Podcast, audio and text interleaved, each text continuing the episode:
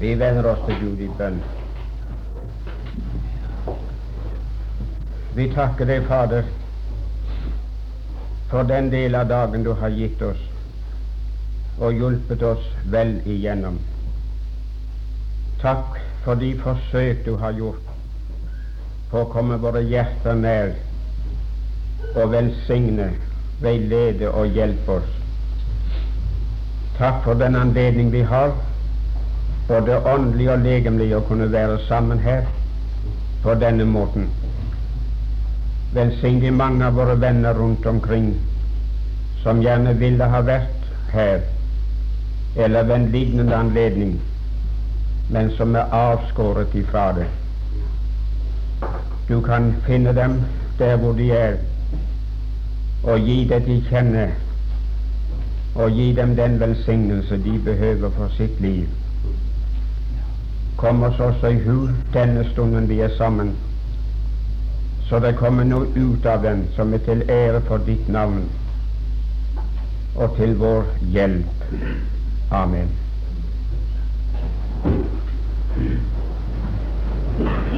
Så vil jeg nå prøve å si noe i forbindelse med Isak og hans historie.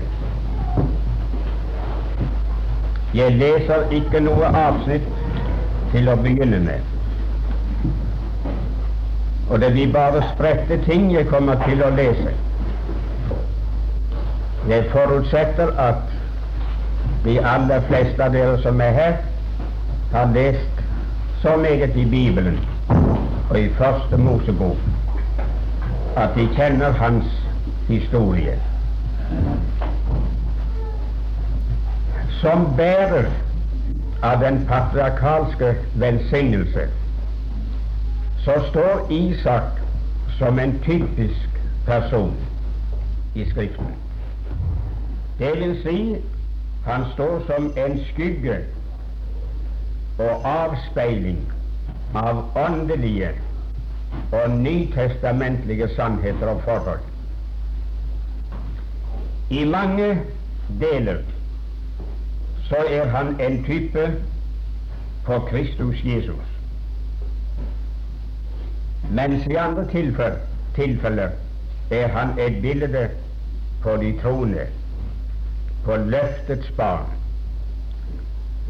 Når han omtales i forbindelse med Abraham, står han alltid som en avskygning av den Herre Jesus, Guds enbårne sønn. Men derimot, når han omtales alene, og vi får se hans liv og Guds følelse med ham der, så er han en skygge av alle løftets barn, av hele Guds familie. Og det er spesielt to ting som er karakteristisk ved Isak fremfor alle de andre gammeltestamentlige personer som er nevnt i Første Mosebok. Og den første, og vel den vesentligste, er den at hans navn forble uforandret. Når det gjaldt Abraham og Jakob og Josef, så fikk de sitt navn forandret. Der støtte ting til som var av en slik karakter at Gud forandret deres navn. Men hva Isak angår, er det helt annerledes. Hvor meget hans liv enn skiftet og vekslet, og det gjorde det, så forble han bestandig å hete Isak. Han fikk aldri navnet forandret. Og jeg har ikke vært i stand til å finne noen annen forklaring på det enn den ene at han fremfor alle de andre representerer sønnekåret hos Gud. Og sønnekåret hos Gud, det er uforanderlig.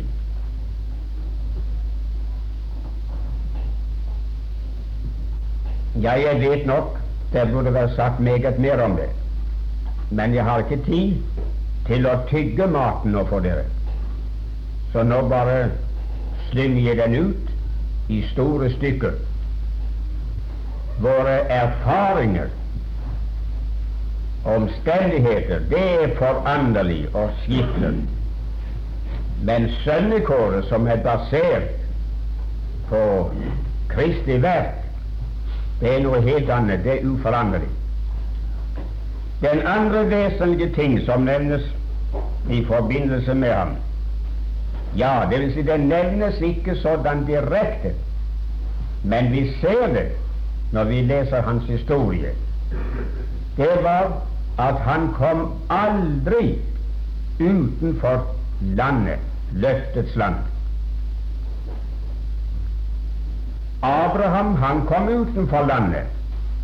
Han kom til Egypten. Jakob han kom utenfor. Og Josef han kom utenfor. Men hva som enn skjedde i Isaks liv, selv om han var utro og syndet, påviselig syndet, og var vantro, så kom han aldri ut av landet, kom aldri til Egypten.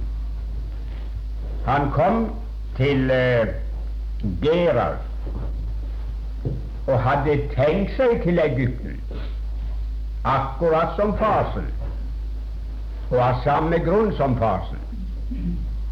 Men Gud tillot ham ikke å komme lenger enn til Gerar. Og Gerar lå just på grensen av landet. Så når de hadde sett ham på forhånd, så så de kamelene og reisetøyet og følge. Og tenkte vel nå farer han til Egypten. Akkurat han som, som gamlingen, som Abraham. Men nei takk, min venn. I Gerar stanset Gud flyttelasset. Så han kom ikke lenger. Og der fikk Gud snudd han om, og han vendte tilbake og forble i landet. Det har også uten tvil sin grunn i at han avskygger sønnekåret. Løftets barns stilling hos Gud. Men det har jeg ikke tid nå å komme nærmere inn på. Det var bare noen små vink for dere som vil studere hans historie nærmere. Altså de to ting som er karakteristisk for ham, var han fikk aldri sitt navn forandret. Han var og forble Isak. Og han kom aldri ut av landet. Han var utro og kom til grensen av landet, men ikke over. Jeg kan huske jeg satt hjemme en gang og gikk igjennom den historien og så på ham på vei til Egypten. Fulgte ham ned til Gerar. Og da satt jeg og tenkte så på den sangen vi har i sangboken. Bli blott i sårene, Frelserens brud. Så skal du havne der hjemme. Så vidt det står hvordan det føles, og hvordan det går barn. Det er sønnekår jeg snakker om. Barn skal du ennå få være. Nå, det som jeg vil kalle oppmerksomheten til videre, Det er å nevne noen av likhetene mellom Isaks fødsel og vår fødsel som et Guds barn.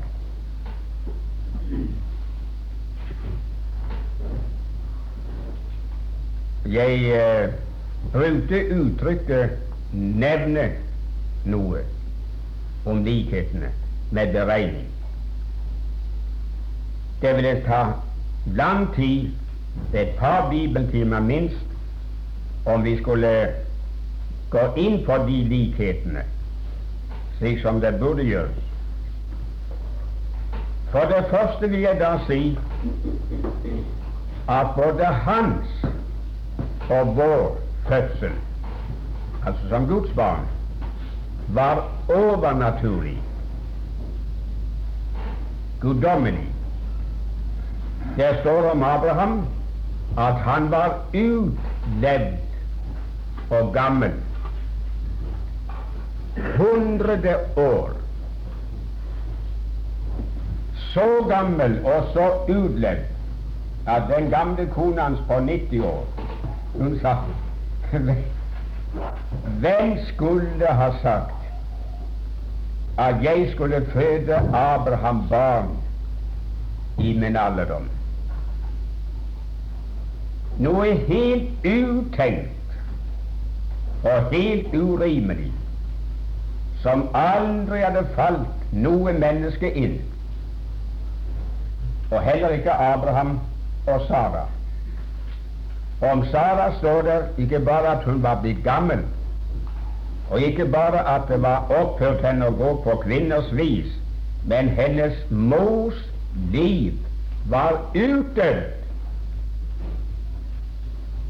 Tok de naturen i betraktning, fantes det ingen mulighet for at det kunne bli et barn i den familien. Det var helt utelukket. Men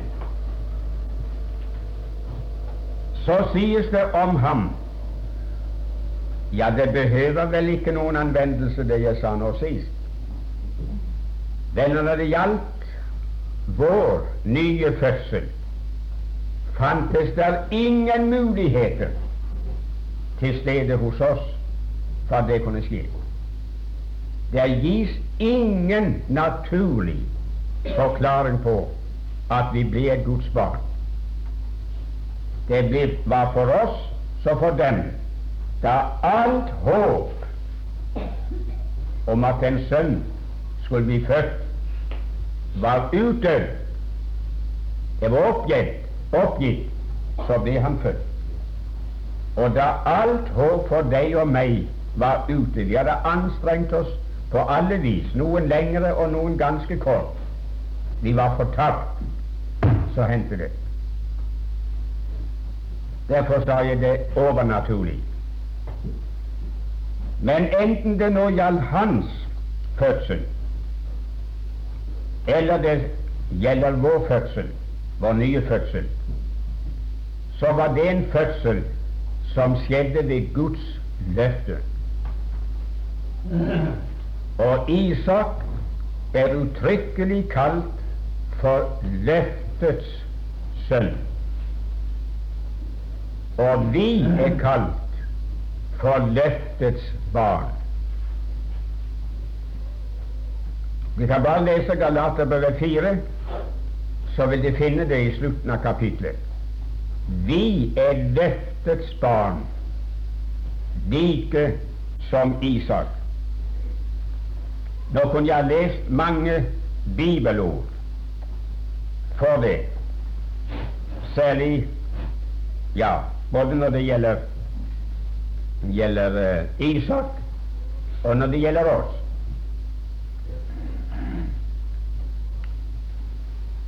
Om det begynner med kapittel 18 i Første Mosebok, og så leser til og med kapittel 21 så vil vi finne at Gud kom til Abraham og ga ham det løftet om å få en sønn. Men han trodde det ikke, og Sara trodde det ikke. Men Gud ga ikke opp. Han kom igjen og igjen og repeterte det løftet. Inntil det kan sies i Romerbrevet 4 om Abraham at med håp trodde han imot håp. Tenkte han på Gud, som hadde lovd det, så så det nokså lyst ut. Så, så, så, kunne det skje. Så kommer det til å. Men så han på seg selv, og kikker han bort på den gamle kona si.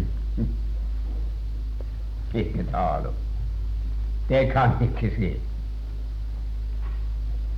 Hadde hun vært 40 år, så kunne det vært en mulighet. Men kjære folk, ei gammel kjerring på 90 år Nei, nei, det går ikke. Nei. Og ikke lyset så ut når han så på seg selv, men Gud hadde sagt det. Så trodde han med håp, imot håp. Og en gang når Gud kom igjen og sa det til ham, da hadde han ventet i 25 år fra første gangen Gud lovde det. Så sto Sara bak døren i teltet, og så hørte hva Herren sa til ham. Du, Abraham, neste år så kommer jeg igjen på denne tid, og da skal Sara, din hustru, ha en sønn.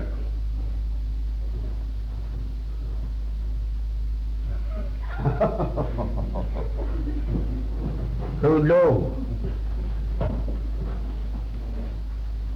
så håpløs og så utelukket anså hun det. Og allikevel skjedde det. Det er ikke vanskelig å finne det samme igjen i vår egen erfaring. Men så gikk Gud samme veien med oss som han gikk med Abraham og Sara. Jesus sa Johannes 17 til sin fader med hensyn til sin disipler Jeg ga dem ditt ord, og de har trodd. Og nå vet de at du har sendt meg. Det er hele forklaringen. Jeg ga dem ditt ord, og de har trodd, og nå vet de. Gulven har kommet til meg, ikke bare med ett løfte, og ikke bare, med, bare én gang, men om igjen og om igjen og om igjen, inntil det er en dag smeltet sammen med meg. Inntil jeg åndelig talt hadde unnfanget, og det ble en ny åndelig fødsel som skjedde ved Guds ord. Og Derfor sies det om igjen og om igjen i Nytestamentet. Jeg skal ikke slå på å lese, men jeg skal referere noen henvisninger. Så vil du notere de, så kan du. Og kan du det utenat, så behøver du ikke notere det. Du kan notere Galaterbrevet 4, vers 23 og 28.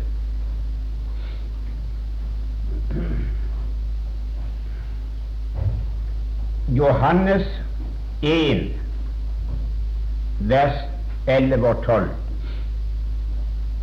Det vil iallfall uh, referere. Men så mange som tok imot ham, Kristus, de ga han rett til å bli Guds barn. Og disse Hvem disse? Disse som tok imot ham, og som tror på Hans Sønns navn. Disse er født. Ikke av kjød, ikke av blod og ikke av mannsvilje, men av Gud.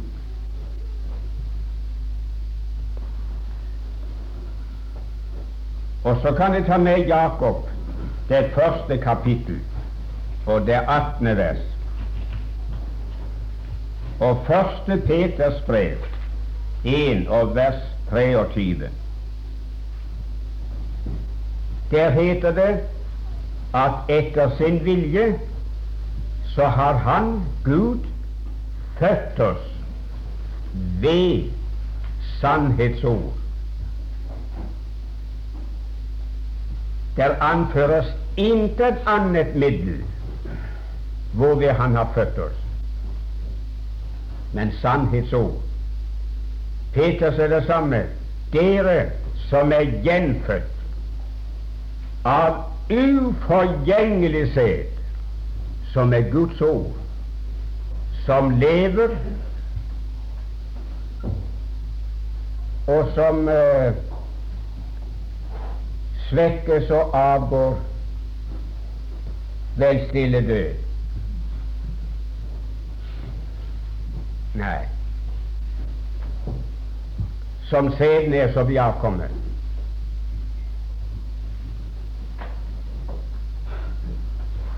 Tør du protestere?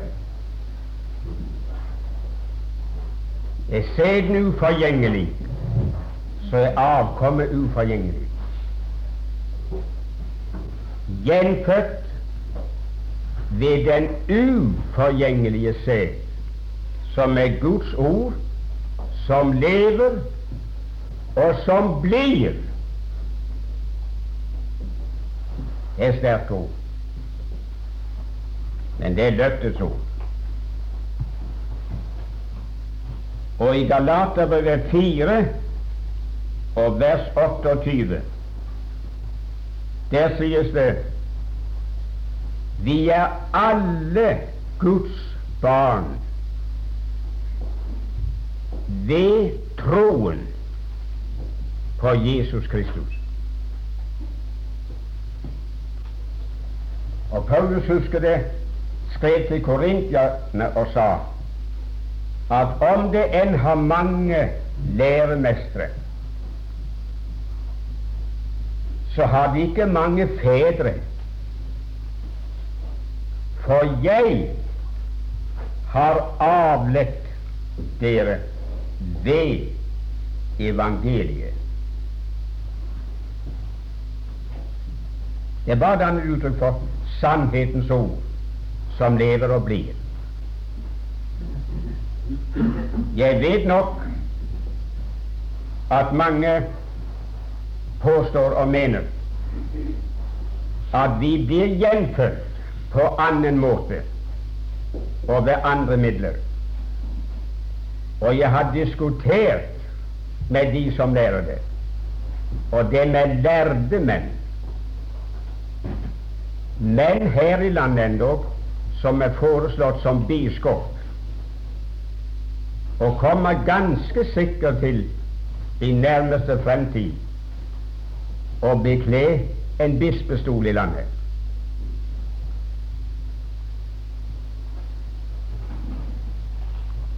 Og når jeg sa ham som svar på spørsmål at mitt livs fulleste overbevisning er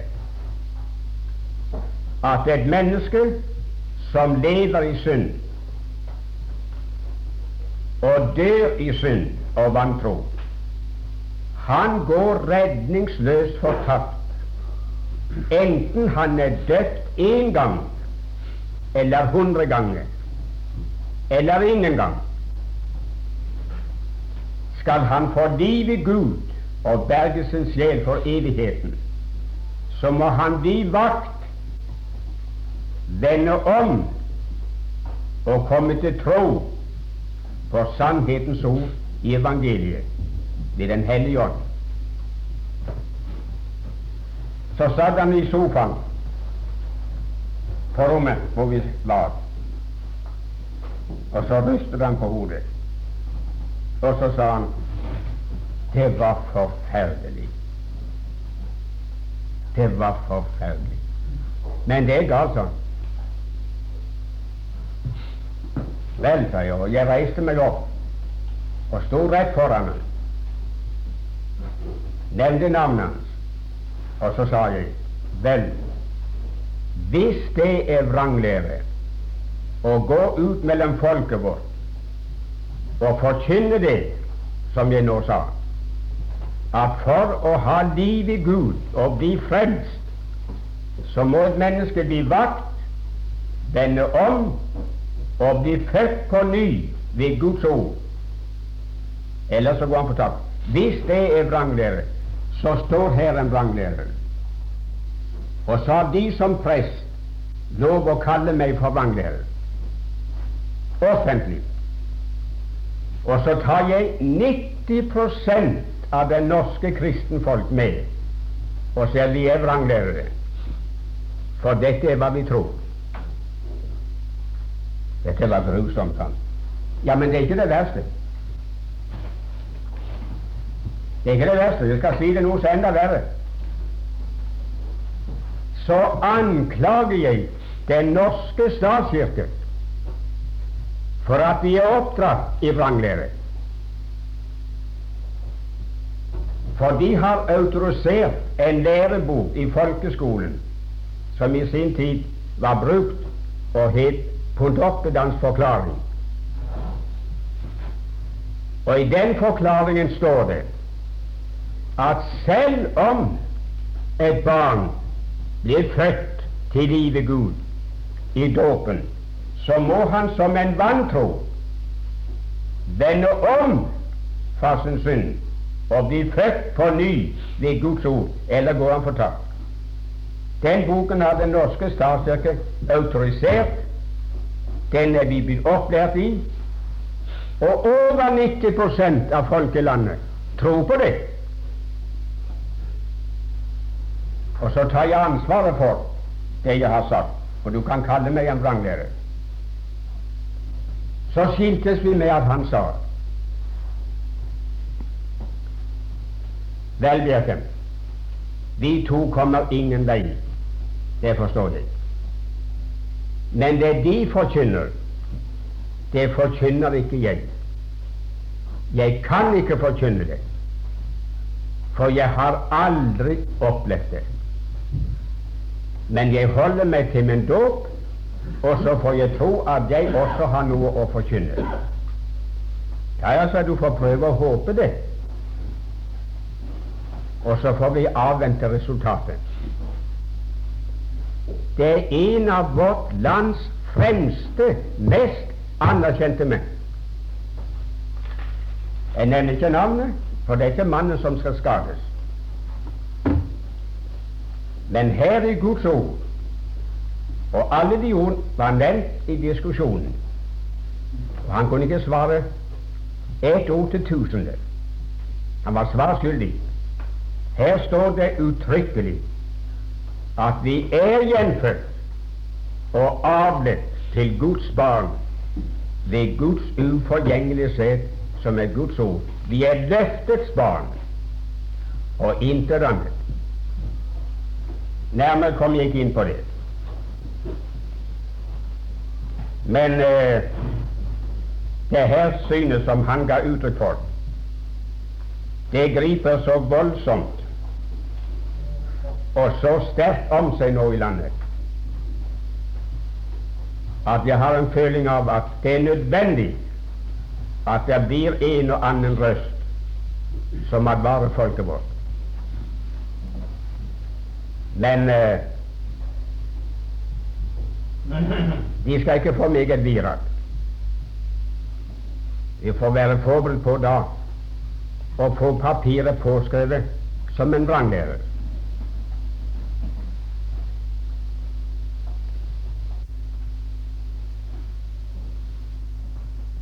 Når det Ja, det står i Hebreabrevet 11 Jeg ser ikke mer om dette vi er inne på nå. At ved tro fikk Sara kraft til å fø en sønn i sin alderdom. Og det har interessert meg i aller høyeste grad å bli klar over på hvilken måte Sara trodde. Og hva hun trodde. Og jeg har ikke kommet til noe annet. Og jeg tror ikke det er mulig å komme til noe annet, til noen annen forklaring enn den som er gitt der i Hebreabrevet 11.11. 11. Ved tro fikk Sara kraft til å fø en sønn. I det hun aktet ham for trofast, som ga løftet. Hun fikk ikke, fikk ikke kraft i det at hun aktet seg som en troende.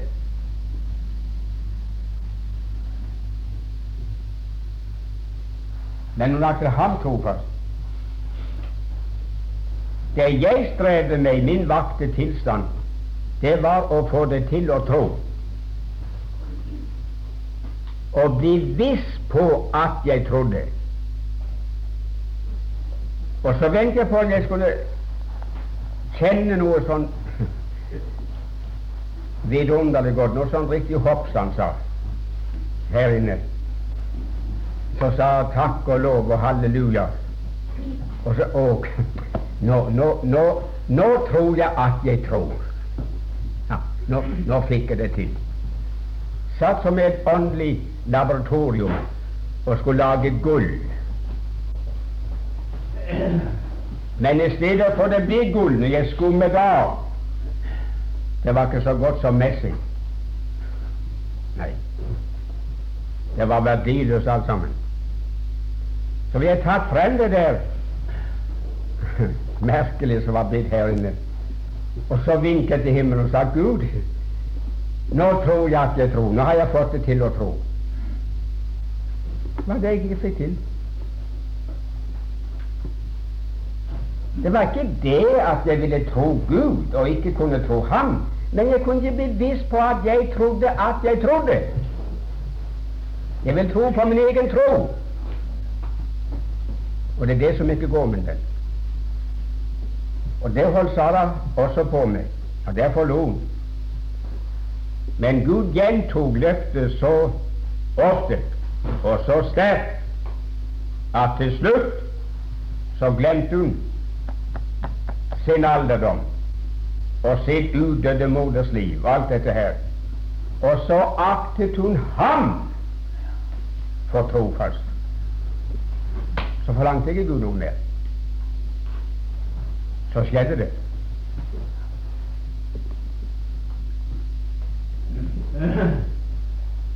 Det var et par ting til jeg ville peke på.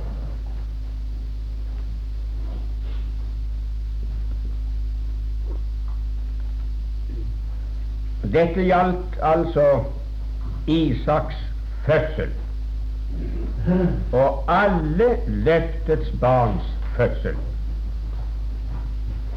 Men så er det noe som også heter Isaks omskjærelse. Isaks vekst og Isaks avvendelse. Vi leser i 21. kapittel i vers Ja vers 4 og vers 8.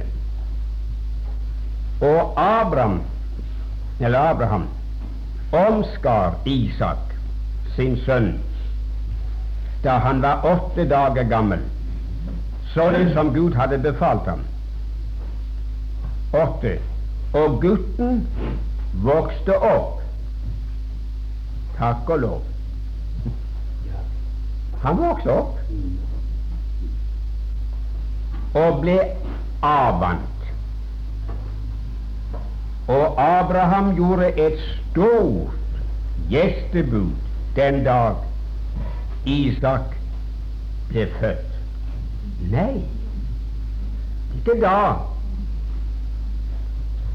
Men den dagen han var blitt avvant, så ble det holdt stor fest.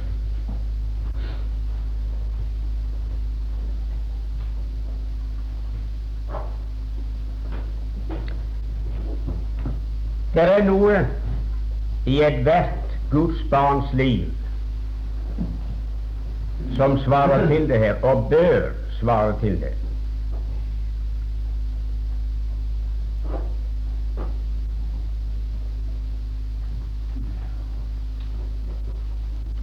Ved omskjærelsen, den som gjøres med hånden, og som ble gjort og foretatt med Isak, ved den handling ble noe av legemet fjernet, skåret vekk og begravd i jorden. De kan undersøke en bibelordbok hvis de ikke vet hvor det den handling består, eller bestod.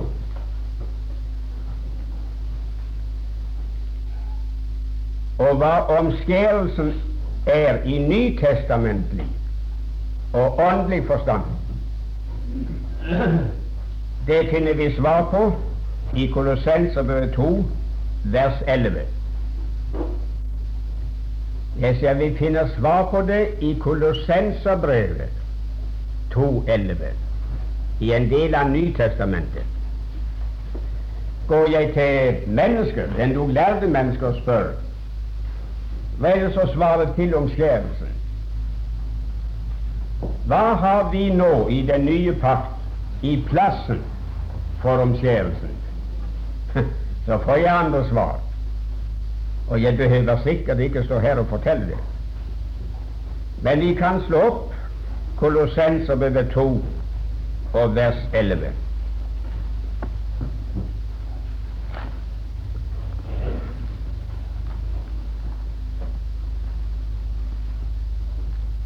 Ja, han, altså Kristus, i hvem i og ble omskåret med en omskjærelse som ikke er gjort med hender, ved avkledningen av kjødets legeme ved dåpen.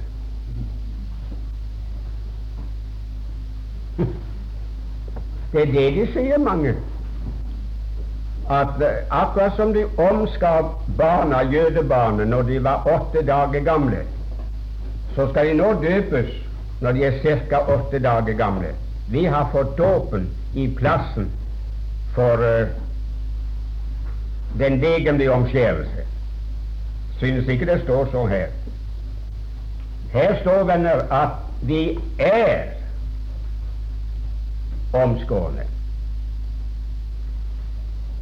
Og vi har fått vår omskjærelse i en annen person. Kristi omskjærelse regnes for vår omskjærelse. I og med det Jeg må si det så kort. I og med det at han gikk inn under loven, var født under den Du vet det står i Galaterbrevet 3 Nei, Galaterbrevet 5 et av de første versene der at hver den som lar seg omskjære, han er skyldig til å holde den hele lov. Han advarte dem imot å la seg omskjære. Og hva skulle det om? At hvis de gjør det, så er de beskyldige til å holde den hele lov. Ingen uomskåren var skyldig til det men var de omskårne. Nå vel, Kristus han ble født under loven, for han var født av en kvinne som var født under loven. Og hvorfor? Det forteller Galaterbrevet, men jeg går ikke inn på det. Og så ble han omskåren på den åttende dag. Og i all sitt liv og all sitt vesen svarte han til alle lovens bud og krav. var ingenting igjen. Og som sådan gikk han til Golgata og ga sitt liv i døden.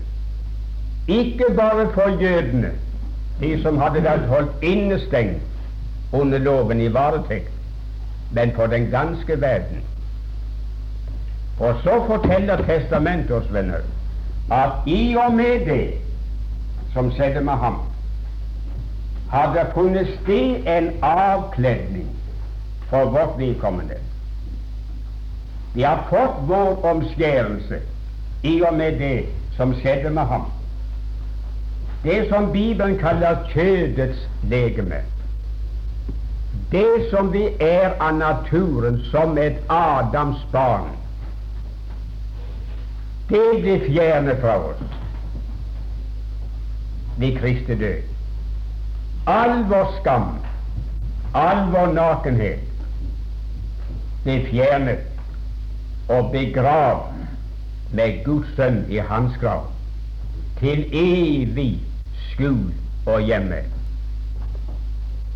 Det venner å erkjenne, innse og erkjenne hva det er skjedd for vårt vedkommende, juridisk sett, i og med det som skjedde med Kristus Jesus, det er å omskjæres åndelig. Og Paulus i Filippensabrevet 3 og visstnok 3 vers Vi er de omskårne. Vi, ikke vi som er døpt, men vi som ikke setter vår lit til kjøtt, men til Kristus Jesus. Vi er de omskårne. Nå har jeg ikke tid å si mer om det. Men så kommer det, som jeg leser i åttende vers Men merk det om at Isak ble omskåren, står i vers fire. Men i vers 8 kommer det Og gutten vokste opp. Og det blir ingen sann åndelig vekst og utvikling i et Guds barns liv før han har innsett og erkjent sin delaktighet i Kristi død, i hans omskjærelse og i hans grav. Han har fått lys og klarhet over Golgata, hva det faktisk foregikk der for hans vedkommende i en annen person. Da er grunnlaget lagt for at man kan vokse. Isak ble altså ikke bare født, og han ble ikke bare omskåren, men han vokste, han vokste, han vokste, og han vokste opp. Men av det det naturlige for ethvert løftets barn Det skal være åndelig utvikling, åndelig vekst. Han skal skrive fram fra barnestadiet og til manns modenhet og til aldersmålet for Kristi fylde. Men dit vil han aldri nå før han åndelig talt som jeg nå antydet, har innsett sin omskjærelse, at alt hva han er som et Adams barn, det er fjernet fra Guds ansikt ved Kristi omskjærelse over hans død. Det er ikke fjernet ifra oss. Nei, godt folk, den gamle Adam er her. Om ikke du tror det, så, så slipper jeg å tro det, for det kjenner jeg. Når, når det gjelder innvalgelsen å være frelst, så må jeg tro det. Det må jeg tro. Jeg kan ikke føle meg frem til det. Men når det gjelder den gamle Adam, det gamle mennesket, min fordervelse, så slipper jeg å tro det. Det er ingen troesak. For det er en erfaringssak, det er en følelsessak. Om du tviler på at jeg har det gamle mennesket, så faller ikke meg inn å tvile på det. Han vasker meg hver dag. Han, det er omtrent som han sitter på sengekanten der vågner God morgen. Hvordan føler du i dag? Er nå fatt med deg? Ja, ja, du kan like så vel flytte fra skyggen din og fra nissen som du flytter fra den der. Men det er ikke det jeg snakker om, Men.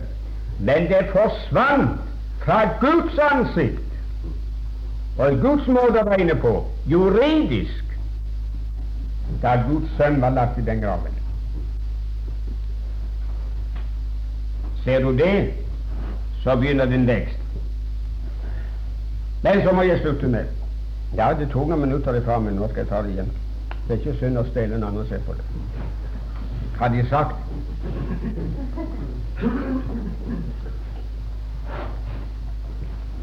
Og Isak ble avvant. Og da gjorde de et stort gjestebud i Abrahams hus. Jeg skulle likt å vært med der da.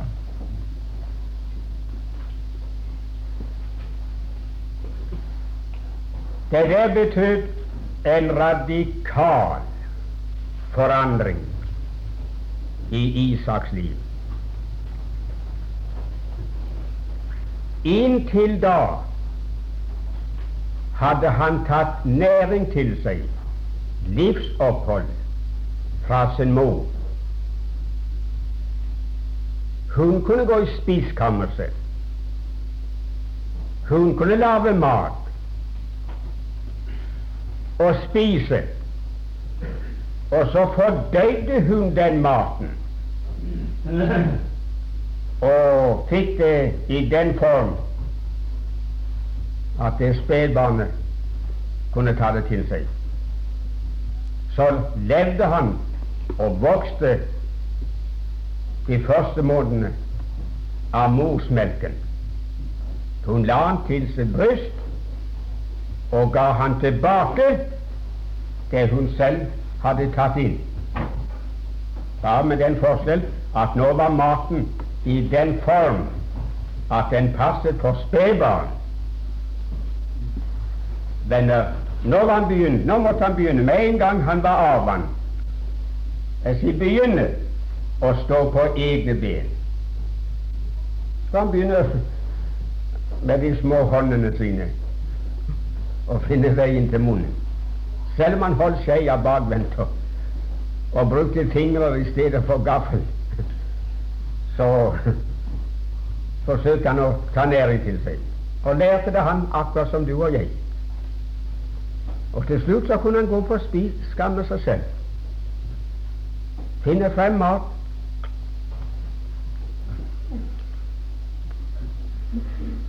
Tygge, svelge det nedover.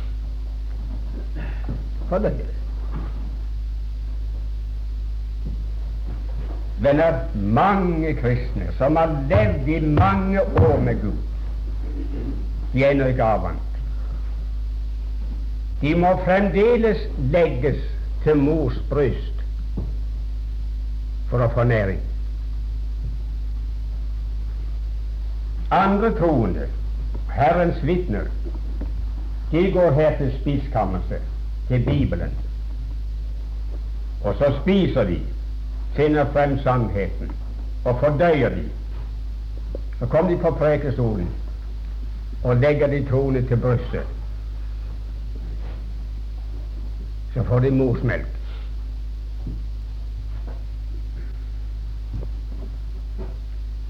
Godt folk, Guds hensikt og mål var vi skulle vokse opp til avvante barn som kan spise fast føde. Og selvstendig på egen hånd finne frem vår åndelige mat. Det var tatt noe her tidlig om? Vekst, og henviste Hebreabrevet 5, siste del, at skjønt dere etter tiden burde være lærere, så er dere blitt sådanne. De var det ikke opprinnelig. Men det er blitt sådanne som trenger til melk og ikke fast føde. De burde ha vært åndelig voksne folk nå. Men det har ikke bare stagnert og blitt åndelige dverger, men det er gått tilbake til babystadiet, som har hatt i første grunn om igjen. Og for den største prosent av de troende hører noe om at Jesus døde for oss, og din skyld er betalt, og Kommer du til Jesus, så støter han ingen noen av den ut som kommer. Og så kan du komme til Jesus akkurat som første gangen. Og så eh, en og annen liten god rørende fortelling. Og de blir så gode og mette at det er en hendelse. Det er omtrent som melka renner munnen på dem.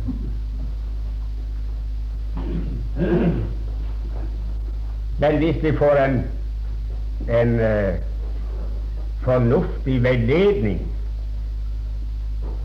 teoretisk veiledning i sannheten, som skal overbevise om at de ikke bare vet at de tror, men slik at de blir klar over, som Paulus og kan si 'Jeg vet på hvem jeg tror'. Det er to forskjellige ting, det. Jeg tror på dette gulvet. Jeg våger livet på, så står det. Men jeg kjenner ikke tykkelsen av det. Jeg vet ikke om det tåler fem kilo til eller ti kilo til, så gir igjennom.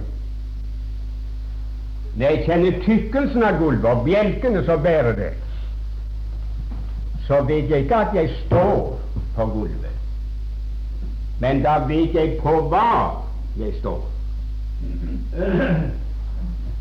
Jeg vet på hvem jeg tror. Når det prekes den veien så, Ja, jo, det var visst en god mann, men, men det går over hodet på folk. Jeg fikk ikke fatt i det. Det var for tørt. ja, ja, ja, ja. Det er bare vitnesbyrd om at de er barn. De er ikke åndelig avvant. Men jeg slutter med Venner, det gis også en avvendelse i en ganske annen forstand. I en langt dypere forstand. Og det faller det meg litt vanskelig å si noe om. For det griper så dypt og så sårt inn i livet, også i mitt liv. Det gis venner en avvennelse ifra all avhengighet av mennesker, og en avvennelse Og gjerne hør det. Jeg regner ikke med at du forstår det i øyeblikket men også en avvennelse ifra velsignelsen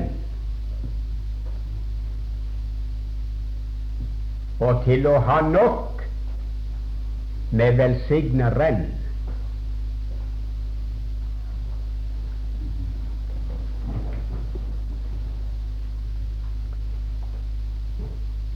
Uten vi forstår det, eller rett sagt oppmerksom på det,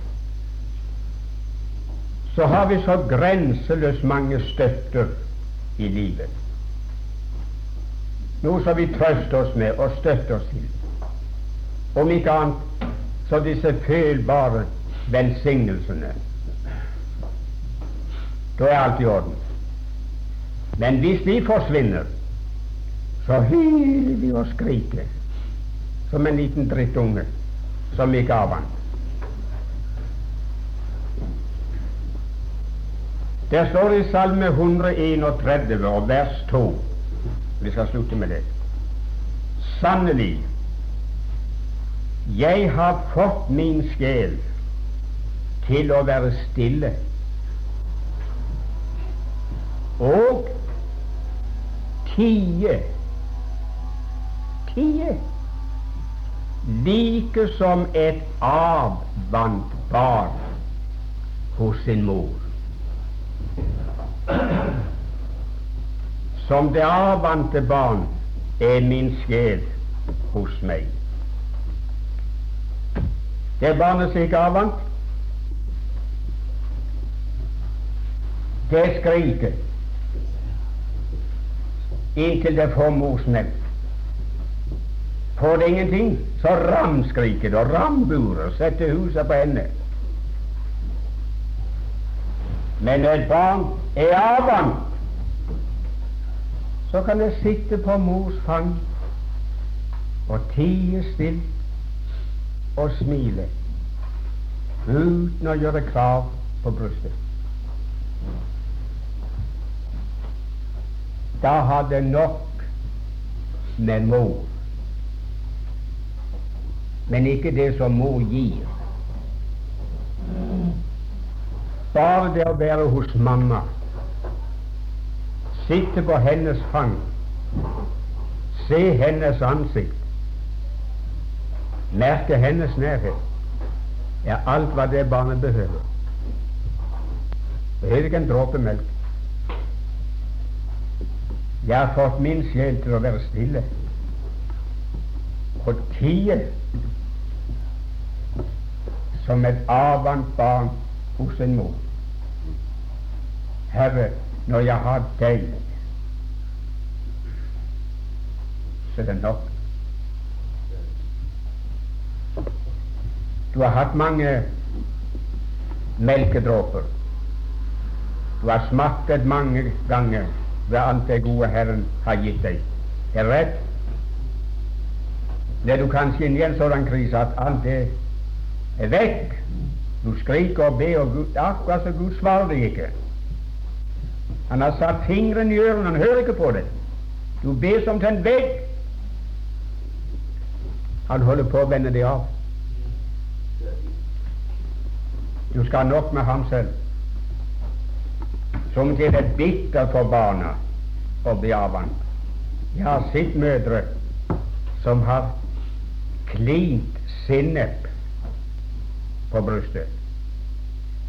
Og så er det skriket noe forferdelig. Det er mange som det er vanskelig å få avvant. Og Gud vil sende mange skarpe, bitre ting i ditt og mitt liv og sier nei til meg og det vi skriker om, for å gjøre oss avhengig av seg selv. Du skal ha nok med meg. Gud gi min venn, vi hadde nådd det voksne stadiet at vi var avvant, så er det rom for fest. Amen.